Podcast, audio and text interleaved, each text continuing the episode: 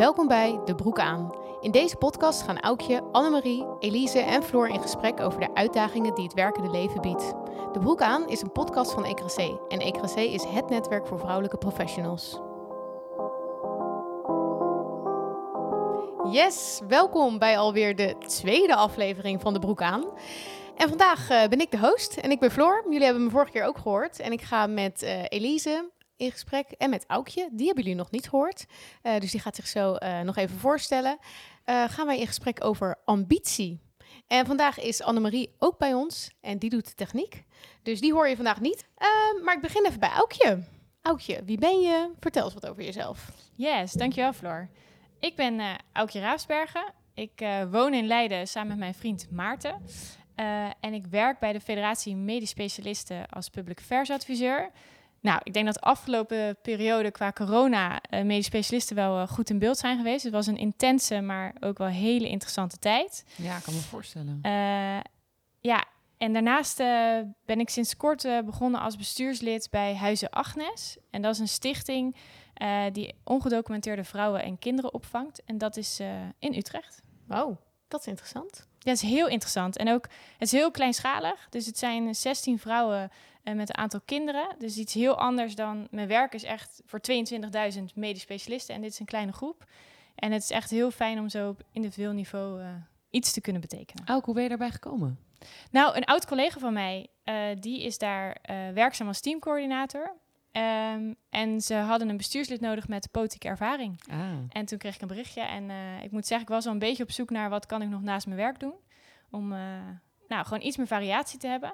En toen kwam dat bericht en toen dacht ik gelijk, ja, leuk. Super Voelde meteen goed. Ja, echt heel leuk. Wat Mooi. leuk. Ja. Nou, bedankt voor deze nu al inspirerende introductie.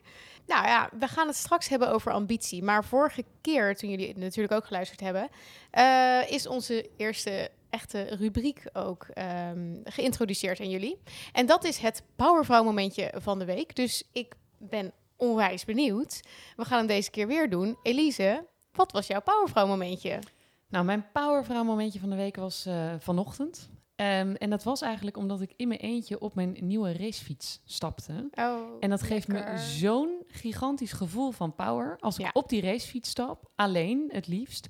En dan kan je een rondje vanuit Den Haag naar Wassenaar, Katwijk, Noordwijk, Leiden doen. Maar de snelheid die je hebt, het gevoel van vrijheid, het gevoel van controle, echt love it. Dus dat was absoluut mijn powervrouw momentje van de week. Heeft helemaal niks met mijn werk te maken. Maar ik zat op die fiets en het ging lekker, het waaide niet te hard. Nou, het was echt fantastisch. En heb je dan zo'n kliksysteem? Want ik hoor Ja. iedereen altijd... Want ik ben, ik ben echt geen wielrenner, maar dat lijkt mij niet zo'n powervrouw momentje. Dat je dan, als dat kliksysteem niet werkt. Nee, maar daar ik moet je er altijd. helemaal aan overgeven. Je hebt natuurlijk wel eens dat je bij het stoplicht staat. Wel zeker toen ik het de eerste keer had. En ik fietste weg van het stoplicht. En dat ding ging er natuurlijk niet in met één been. Maar omdat je vastzit in je trapper, kan je ook zeg maar trekken aan je trapper. Ah, dus ik, je fietst gewoon een beetje met één been. Dus je peddelt jezelf een beetje weg zeg maar, van het stoplicht. En dan klik je rustig aan die ander erin. Maar je ziet het bij anderen soms ook wel eens dat het even niet super optimaal gaat. Maar als je er dan weer in zit, man, dan trek Dan je aan die het- trappers en dan blaas je de weg over. Maar ik vind het ook zo heerlijk dat je het ook zo lekker vindt om alleen te gaan. Ik vind het het allerlekkerst. Ik Ja. heb zo nog bijna niet met andere mensen gefietst. Ik had vroeger ook een racefiets, toen deed ik het wel met iemand anders. Maar nu, ja, ik vind het gewoon zo lekker. Alleen geen telefoon, zeg maar. Geen Ja. podcast, geen Ja. radio, helemaal niks. echt je ik zou hoofd ook iedereen leegmaken. echt je hoofd leegmaken. Ja. ja. En daarna voel je je gewoon echt fit. Je bent lekker buiten geweest. Echt, ik eh, moet een soort van promofilm Nou, gaan ja. maken met mezelf. Deze want podcast gaat over wielrennen. misschien kunnen met Elise. Ja. Misschien kunnen we het later wel een keer over sporten hebben. Ja. Dan kan deze Ja. zeker langskomen. Ja. Nou ja, dat eh, gaan we zeker doen. Oké, nou, dankjewel. Eh klinkt goed, inderdaad. Aukje, wat was jouw powervrouw momentje van deze week? Nou, niet helemaal deze week, maar wel eh, een paar weken terug. eh, toen ontving ik eh, het magazine van mijn werk, dus de medisch specialist heet dat. En eh, dat gaat natuurlijk helemaal over coronatijd. En er werden allemaal medisch specialisten geïnterviewd over hoe ze de afgelopen tijd hem- hebben meegemaakt. En daar staat ook een artikel in met Anne Vossen en Diederik Gommers. En dat zijn eigenlijk de viroloog en de IC-arts, als Diederik Gommers. ehm, die vertellen hoe het is om opeens in die media zo heel erg centraal te staan en het gezicht van Nederland te worden. Diederik Gommers wordt ook wel een beetje de knuffelbeer van Nederland nu ge- genoemd. En eh, ik las dat interview en toen kwam ik mijn naam opeens tegen. Omdat Diederik Gommers, die heb ik een aantal keer eh, eh, ja, een paar gesprekken meegevoerd en advies gegeven over hoe werkt die politiek. En als hij dan Kamerleden te woord moest staan, dan, eh, dan belde ik hem eventjes van tevoren.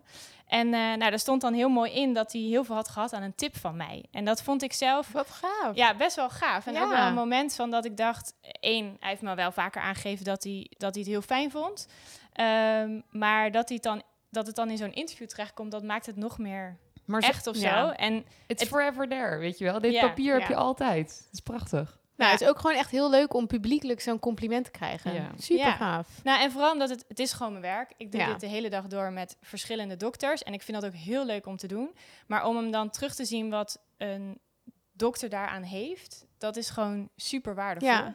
Vooral omdat ik andersom dus best wel opkijk tegen hun vak. Dus je krijgt het is goede wisselwerking. Ja, super mooi. Kan je echt hartstikke trots op zijn. Mooi.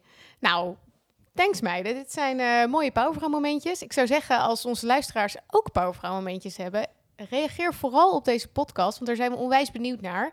En ehm, ja, geeft elkaar natuurlijk ook weer inspiratie om te zien wat je allemaal voor toffe dingen eh, meemaakt waar je soms best een beetje trots op mag zijn. We gaan het hebben over ambitie. Ja, we zijn natuurlijk allemaal ambitieuze meiden. Vrouwen, moet ik zeggen. We zitten allemaal bij hetzelfde netwerk, ECRAC, een netwerk voor vrouwelijke professionals. Zeg altijd jonge, ambitieuze meiden. Maar ja, ik vind het heel erg leuk om eens een keer met jullie te praten over wat ambitie nou eigenlijk is. En ik heb daarvoor een paar stellingen bedacht. Nou, wat Ja, het is iets van een format. Jullie herkennen het waarschijnlijk inmiddels al als luisteraars. Maar ik gooi er een stelling in en ik zou zeggen brandlos. De eerste is, parttime werken is geen ambitie hebben. Je kan zeker ambitie hebben als je parttime werkt. Maar ik weet niet of je de top kan bereiken. Dat is mijn eerste reactie.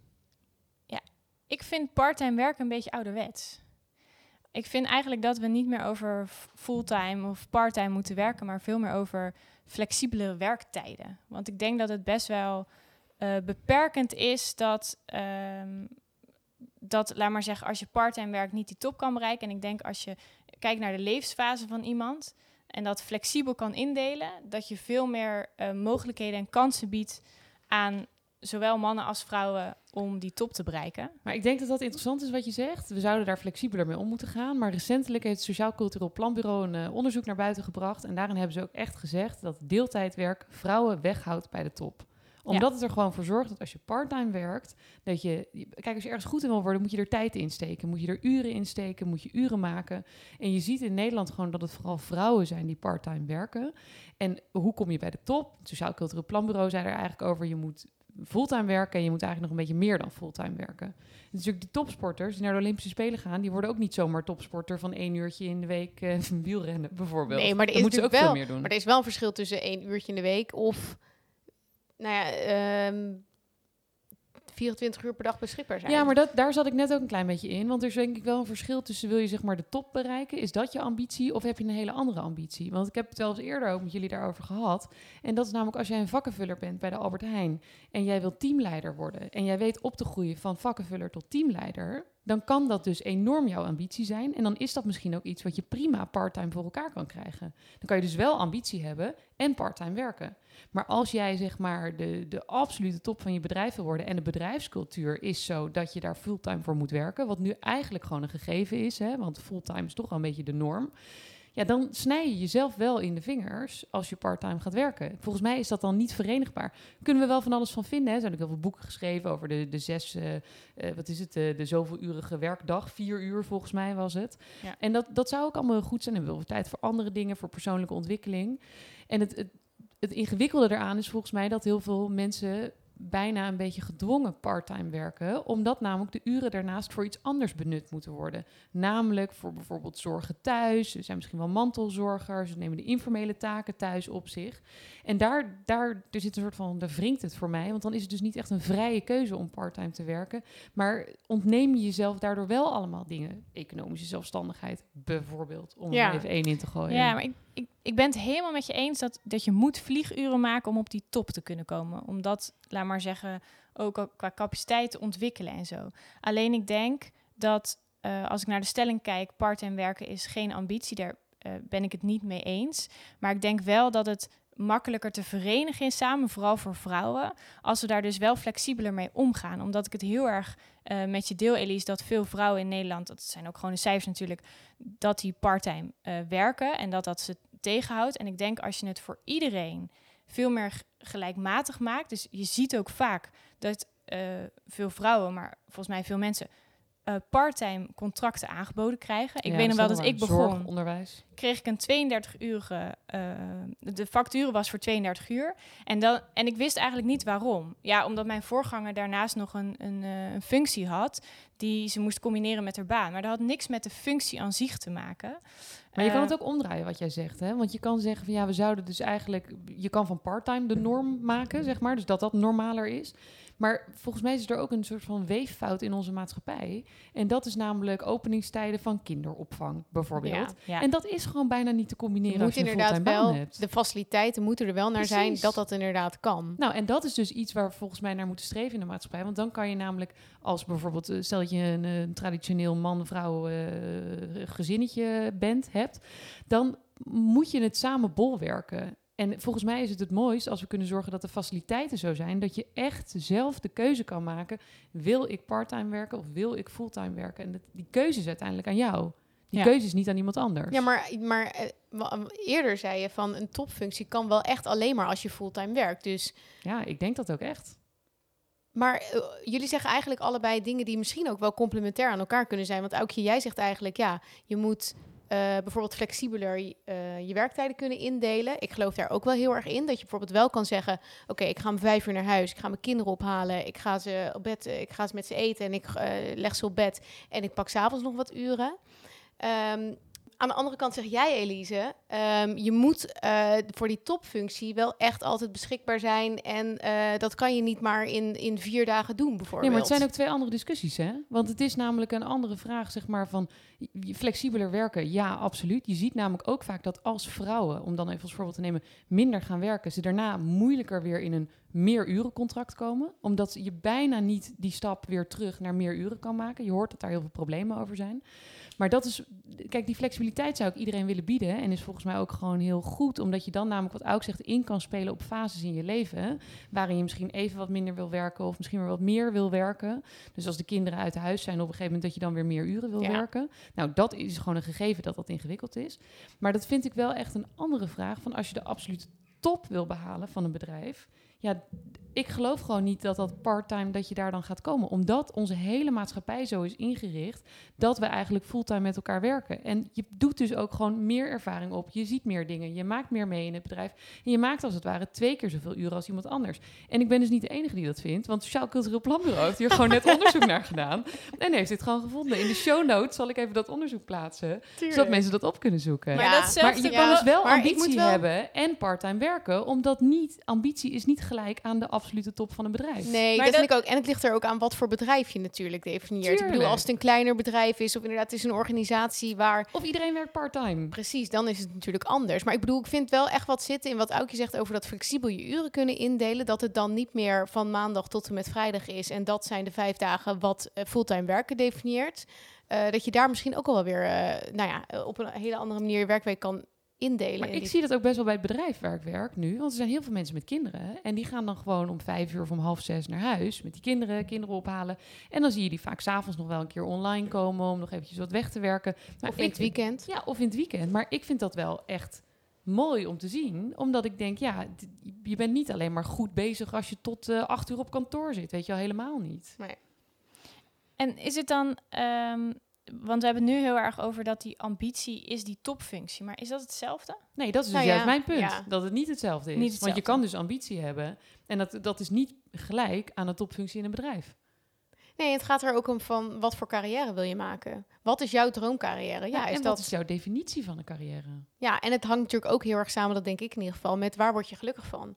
Als jij inderdaad gelukkig wordt van uh, nou, altijd bereikbaar zijn, vijf dagen in de week werken, misschien wel zes, misschien wel zeven. Uh, en dat, en je, ja, je, bereikt daarmee de top. Want dat, volgens mij concluderen we dat wel een beetje. Als je echt die topfunctie bij een enorme organisatie wil, dan is wel dat fulltime werken en misschien wel meer is daarvoor noodzakelijk. Als je daar gelukkig van wordt, dan is natuurlijk mooi. Maar er zijn natuurlijk ook heel veel mensen die zeggen, nou ja, doe mij maar lekker vier dagen. En dan heb je nog steeds vaak een hele mooie baan. Maar dat vind ik ook. En ik vind ook wel in toenemende mate dat je ziet dat je ook ik weet niet of jullie diezelfde ervaring hebben, maar bedoel, toen ik net ging werken bijvoorbeeld, toen dacht ik wel echt, nou, als iemand vier dagen in de week gaat werken, nou, dan neemt hij het er wel van, weet je wel. Ja. En nu zie ik soms vriendinnen die dat doen, ja, of die doen, Annemarie zit hier echt te, te high-fiven, uh, mag ze een keer zelf iets over vertellen, maar ik denk wel dat sommige mensen doen ook dan vier keer negen, dus dan werk je nog steeds, zeg maar, ja. uh, veel uren, en sommigen zal het ook meer dan die negen zijn, maar geef jezelf wel de ruimte om op vrijdag bijvoorbeeld iets anders te doen. Dus of zo'n bestuur, wat jij erbij doet, we doen allemaal activiteiten ja. naast ons werk. Nu doen we dat, ik weet niet wanneer jullie dat doen, maar echt op de meest aparte uren s'avonds laat, zeg maar. Nou, we zitten op zondagmiddag deze podcast op te nemen. Dat ook. maar het is, dus daar, daar mag wel wat meer vrijheid in komen. Ja. En misschien verandert op een gegeven moment onze definitie van fulltime werken ook wel, hè?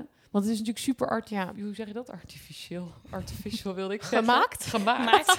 het is heel gemaakt dat we op een gegeven moment gezegd hebben... zoveel uren ja. is fulltime. Ja. ja, en ik denk dat daar wel, bij wat jullie aan het begin zeiden... dat daar ook wel hetzelfde idee in zit. Dat dat nu ook met... Nou ja, we hebben natuurlijk ook heel veel thuis gewerkt. Heel veel op afstand nu gewerkt. Misschien dat we daar nu ook wel een verandering in kunnen Tuurlijk, zien. want deze podcast is opgenomen na een aantal maanden corona. En ik denk echt wel dat de mentaliteit daarin verandert. Dus Ja. Floor, wat jij zegt, is helemaal waar. Bij ons was het eerst ook helemaal niet de norm om thuis te werken. En nu heeft iedereen gewoon gezien dat alles doorgaat als Ja. je thuis werkt. Ja. Ja. Ja. Wij hebben zelfs eh, recent eigenlijk, dat kwam niet eens door corona, maar dat, dat speelde al, is dat we de, ik zit in een ondernemingsraad eh, van mijn werk, Ja. en we hebben dus de 4 keer 9 regel afgeschaft. En toen ik dat eerst hoorde, toen dat voorstel kwam, dacht ik echt, hoe ouderwets, hoe kan dat? Wat, wat werd ermee bedoeld dan? Dat je niet meer vier keer negen mocht Nee, werken dus of zo? je, je hebt gewoon niet in je contract staan dat je een 4 keer 9 eh Ja. Arbeidsovereenkomst hebt eigenlijk. En eh, toen, is er, eh, toen hebben we eigenlijk als ondernemingsraad gezegd, wel samen met het bestuur, van maar we zijn uiteindelijk voor flexibel werken. Want thuiswerken bij ons was altijd heel normaal. Eh, S S'avonds werken was, was al heel flexibel.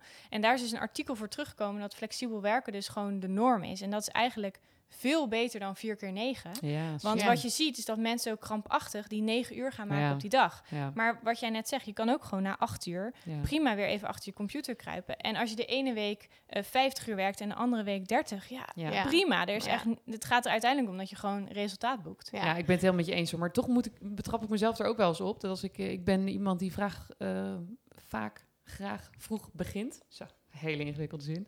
Ehm, en dat ik dan heel vroeg al ben begonnen. En dan zijn natuurlijk heel veel collega's nog niet online. En stel dat je dan eens wat eerder wil stoppen. Dan denk ik ook echt wel eens, oh, dan zullen ze denken, nou, die Ja. neemt het ervan. Ja. Weet je? En het gaat natuurlijk helemaal nergens over. Want daarna klap je je laptop weer open, ga je weer lekker verder. En is helemaal niks aan de hand. Ja. Maar toch heb je dan wel dat je af en toe denkt, oh, mensen Ja. vinden daar wat van. Terwijl Ja. niemand daar wat van vindt, volgens Nee. mij. Ik vind er bij anderen ook niks van, maar... Nou, het is wel echt een beetje een cultuuromslag, denk ik, waar we naartoe moeten. Dat we dat oké vinden. En ik denk dat corona wel echt heeft geholpen Enorm. in ook het vertrouwen vanuit de werkgever dat thuiswerken oké is. Ja. Zeker. Nou, dit gaat al een beetje over work-life balance. En ik voel dat we Oh. hier misschien ook een keer eh, een podcast over moeten opnemen. Dus dat is ook een leuk, eh, leuk onderwerp. Maar ik heb natuurlijk, hè, je hebt een format en dus heb je meer stellingen. Yes. Eh, dus ik gooi er nog even een volgende in. Ik heb nog nooit ambitie uitgesproken op de werkvloer. Nou, dat heb ik zeker wel gedaan. Ja, regelmatig. Hoe dan, Aukje? Nou, ik denk dat ik wel bekend sta bij mijn werk. Dat ik gewoon, ze weten wel dat ik eager ben. En dat ik eh, ambitie heb en meer wil dan wat ik nu doe. Dat ik, ehm, alleen wat ik wel lastig vind, dus ik kan wel heel erg zo spreken over 10 jaar of 20 jaar. Dan wil ik eh, directeur worden of nou, noem maar op. Maar het heel concreet benoemen binnen de organisatie, dit zou ik, dit zou ik willen, vind ik soms best wel lastig. Niet omdat ik het dan eng vind om te noemen, maar dat ik nu ook wel in een periode zit dat ik eigenlijk niet zo goed weet wat die volgende stap dan zou zijn. Ehm, Maar spar je dan wel eens met mensen over bijvoorbeeld? ja, ik heb daar met mijn leidinggevende wel over. Ja. En dat is ook vrij open bij ons, moet ik zeggen. Oké. Ehm, en ja, als ik er nu zo over nadenk, want nu zit ik in zo'n moment dat ik het niet zo concreet weet, maar ik weet wel dat toen ik binnenkwam, dat ik als adviseur binnenkwam en dat ik zei, nou, mijn doel is wel dat ik binnen een jaar senior adviseur ben. Toen, toen was dat eerst even dat ze zeiden, oh, oké. eh, Ja. Hoi, welkom. ja, maar ja, ik Ja. moest een doelstelling, een plan opschrijven. Ja, dus ik zei, ja, dit is mijn doel. ja. Ehm, achteraf kwamen ze erachter dat mijn functie überhaupt al een senior functie was. Dus dat, dat ging toen ook wat sneller dan eh, dat ik zelf dacht. Ehm, maar ja, ik vind het wel heel belangrijk om te noemen eh, wat je wil. Ja. Maar het is niet altijd makkelijk om het concreet te maken. Dat was Nee, maar dat is natuurlijk ook logisch, hè? Want wat jij zegt, je weet niet altijd precies wat je volgende stap is. Want soms komt er ook iets langs wat je nog niet voor ogen had. En dan, als dat langskomt, dan denk je, oh hé, hey, dat, dat had ik eigenlijk ook wel willen doen. Ja. Terwijl Ja. je niet altijd van tevoren al weet dat die optie er is. Maar eh, ik bedoel even op de stelling, want bij ons is het bijna geïnstitutionaliseerd dat je dit moet doen. Dus bij je beoordelingsgesprekken wordt gewoon ook gevraagd van, eh, ben je al aan het nadenken over je volgende baan, zeg maar? Dus je volgende stap. In welke richting zit je op te denken? En wat is een beetje je einddoel? Ja. Nou, dat is natuurlijk, toen ik daarnet begon bij Shell, toen had ik helemaal geen idee. Want je, het bedrijf is zo groot en ik moest zo wennen aan het bedrijf. En ik dacht, ja, waar wil ik heen? Eh, weet ik veel. Dat ik ook aan mijn leidinggevende vroeg, jij nog een suggestie? weet je wel? Omdat ik dacht, ja, misschien heb jij een tip. Ja. En dat is natuurlijk ook iets wat, precies wat jij zegt, soms weet je dat nog niet. En nu begint zich dat best wel te vormen. Ja. Dat ik denk, oh, dat, ge- dat gebied vind ik heel interessant. Of dat vind ik interessant. Of daar zou ik wel naartoe willen. En daar zou ik in door willen groeien. Maar ik denk dat het wel te weinig gebeurt dat deze gesprekken echt gevoerd worden Ja. op de werkvloer. Want ik ken ook zoveel verhalen van vrienden en vriendinnen die deze vraag helemaal niet krijgen. Nee, want Nee. ik vind het grappig, want ik heb, ik heb dit voorbereid natuurlijk en deze stelling eh, Ja. opgeschreven. En ik had echt niet verwacht dat jullie allebei Nee? ja zouden zeggen. Ik dacht echt. Oké. nou ja, voor mezelf geldt echt dat ik dat echt nog nooit heb gedaan. En ook, het is me ook nog nooit gevraagd. Maar hoe is dat, Floor? Jij bent leidinggevende. Ja. Doen andere mensen dat wel bij jou? Nee. Nee, doe jij het dus bij andere mensen? Ja, oh, dat is Ja, wel ja, een ja. vraag. Nou, dat is grappig dat je het vraagt, want ehm, ik realiseerde me dus, want we hebben het hier ook wel eens eerder bij eh EKC over gehad. Dus toen realiseerde ik me van, ja, dit is echt een onderwerp wat gewoon niet bij ons besproken wordt. Dus als ik in september weer beoordelingsgesprekken ga hebben met mensen, dan ga ik ze ook de vraag stellen van, wat is jouw ambitie eigenlijk? Ja, maar normaal gebeurt, gebeurt dat inderdaad niet. Dus ik heb het ook nog nooit gedaan. Maar het is ook eigenlijk zoiets kleins, hè? Want je, doordat je het alleen al aan iemand vraagt, gaat hij erover nadenken. En Ja. laat je, zet je iemand heel erg in zijn waarde, denk ik. Omdat je namelijk zegt van, hé, hey, wat denk je dat je volgende stap is? En dat kan binnen het bedrijf zijn of daarbuiten. Maar je hebt natuurlijk ook dan als leidinggevende verantwoordelijkheid om iemand soort van klaar te stomen om te blijven groeien, zeg maar. Laten we het zo zeggen. En dat liever in je organisatie dan daarbuiten, kan ik me zo voorstellen. Maar ik denk wel dat we het meer zouden moeten doen. Want het zorgt er bij mij altijd wel voor dat ik er toch weer even over nadenk. Ook al Ja. heb ik dan het antwoord niet, ben je wel weer ermee bezig. En denk je erover na. En, en we kunnen het ook doen met mensen die niet op je werk werken. Hè? Ja, Dus maar ken je dan bijvoorbeeld ook de ambitie van je collega's? Nee, dat is dan weer een hele goede vraag. Nou, van sommige Nee. collega's denk ik wel. Eh, je hebt natuurlijk een aantal collega's waarbij je wat, eh, wat opener bent. Daarvan, van sommigen weet ik het heel concreet. Eh, maar ik weet het niet van al mijn collega's. Dat was eigenlijk meer waarom mijn reactie was nee. Omdat ik dacht, ik heb ook allemaal collega's geen idee waar die naartoe Nee, willen. precies. Maar de, de collega's waarmee je zeg maar ook een eh, wijntje drinkt of een biertje Ja. buiten werktijd, daar weet ik het wel van. Ja, precies. Nee, maar ik vroeg het inderdaad omdat je daar natuurlijk uit kan opmaken van hoe bespreekbaar is het nou eigenlijk? Ja. Maar daar hangt geen taboe op of zo. Het is ook meer dat ik het niet aan de lopende band aan mensen vraag. Hallo, wat is jouw ambitie? Weet je wel, waar ben je nou onderweg? Eh, ga je al naar de volgende baan? Maar Ja, het is wel dat ik eh, denk dat we daar goed met elkaar over kunnen praten. Omdat iemand anders kan ook weer een idee hebben. Maar weet je, Floor, wat ik interessant vind hieraan? Misschien scheelt het wel hoe groot je organisatie is. Ja. Want het bedrijf waar ik voor werk is een multinational. is natuurlijk een mega bedrijf. Dus je kan zoveel kanten op. Terwijl als je een, bedrijf hebt waar... Nou, dat ik is niet- bij mij. Ja. Ja. dat is niet per se... Nee, Ja, je je kan de maar baan zeggen, die je wil Je hebben. kan van Ja, junior naar senior Ja. gaan en daarna kom je gewoon in de directie Ja. terecht. Maar dat, ja, dat, zijn dus, dat gaat tussen 100 mensen. Dus dat Ja. is wel een ander verhaal. Ja, ik denk dat dat inderdaad heel erg meespeelt, Elise, wat jij zegt. Want dan ga je je ambitie uitspreken over een paar functies die boven jou zijn. En dan aas je meteen op de baan van iemand ja, precies, anders. daar zit iemand op. Ja. En oh, eh, Ja. Floor wil die baan hebben. Ja, Nou, ja, daar ja. ga je. Hey, en denken jullie dat, eh, ik gooi er nog even een extra stelling in, dat mannen meer ambitie hebben dan vrouwen? Ik denk niet dat ze meer ambitie hebben, maar het wel meer uitspreken dan vrouwen. Nou ja, niet aan deze tafel, want hier Nee, hier zitten niet, twee vrouwen maar- die het wel echt duidelijk uitspreken. Ik vind dit zo moeilijk. Er is zoveel gaande in mijn hoofd. Omdat ik echt keihard wil zeggen... nee, dit is echt niet waar, zeg maar. Mannen en vrouwen hebben net zoveel ambitie. En ik denk ook dat heel veel vrouwen net zoveel ambitie hebben als mannen. Maar er is ook een groep, en ik weet niet hoe groot die groep is... vrouwen die gewoon minder ambitie heeft. Want die willen gewoon andere dingen in leven. Dus die hebben gewoon zoiets van, geef mij gewoon een baan. eh dit is prima, zeg maar. En dan kan ik allemaal dingen ernaast doen. Aan de andere kant denk ik dat die mannen er ook zijn. En daarom Ja, heb ik dus zo'n ja. error in mijn hoofd. Omdat ik denk dat die mannen er net zo goed zijn. En denk ik dus eigenlijk dat de stelling onzin is... en dat mannen en vrouwen net zoveel ambitie hebben.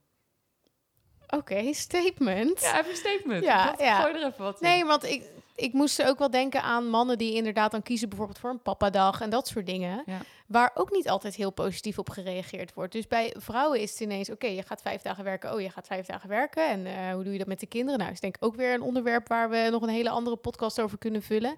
En bij mannen is het, oh ja, je gaat vier dagen werken en je gaat een papadag nemen. Ja. Maar dat is helemaal Ja. waar wat je zegt. Maar ik denk wel in die end, weet je, het is, er zijn allemaal mensen, ongeacht of ze man of vrouw zijn, die minder of meer mate van ambitie hebben. En dat heeft ook gewoon te maken met je prioriteiten in je leven en wat je belangrijk vindt en, en waar je in wil accelereren. Maar ik denk wel dat we best wel allemaal iets minder judgmental zouden mogen zijn op hoe iemand dat daar invulling aan geeft. Precies wat jij zegt met die papadag, man, dat was all over the news, weet je. Ja, En niemand heeft het eigenlijk ooit over mamadag. En ik geniet er altijd echt van als moeders dat zeggen. Ja, nee, ik heb vandaag mijn mamadag. ja, Dan denk ik altijd, oh, lekker statement, weet je wel.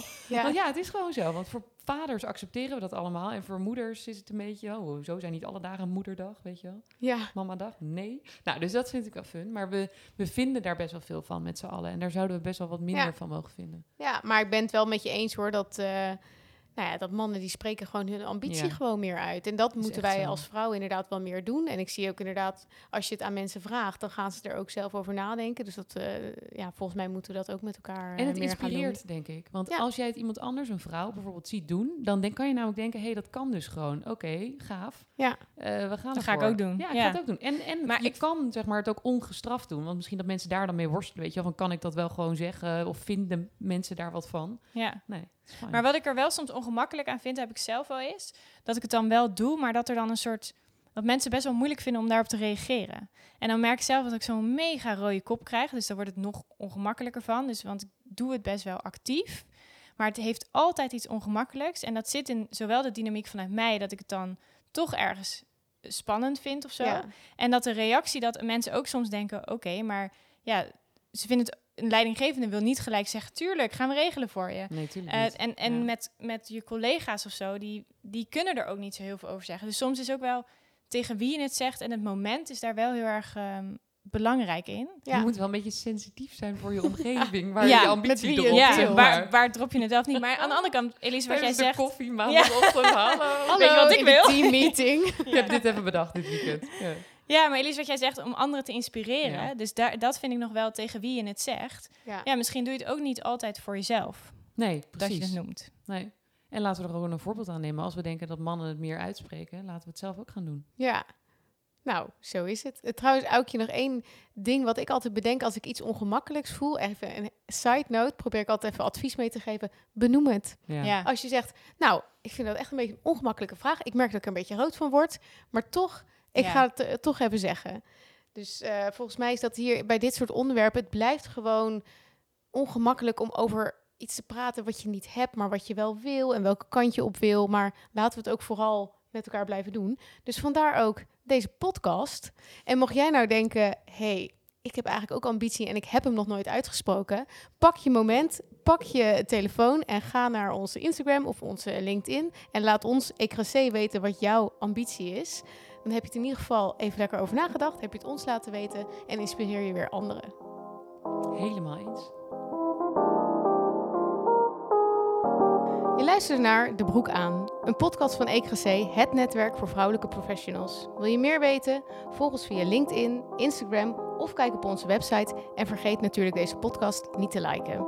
Reageren vinden we ook heel leuk, dus doe dat vooral. Tot snel!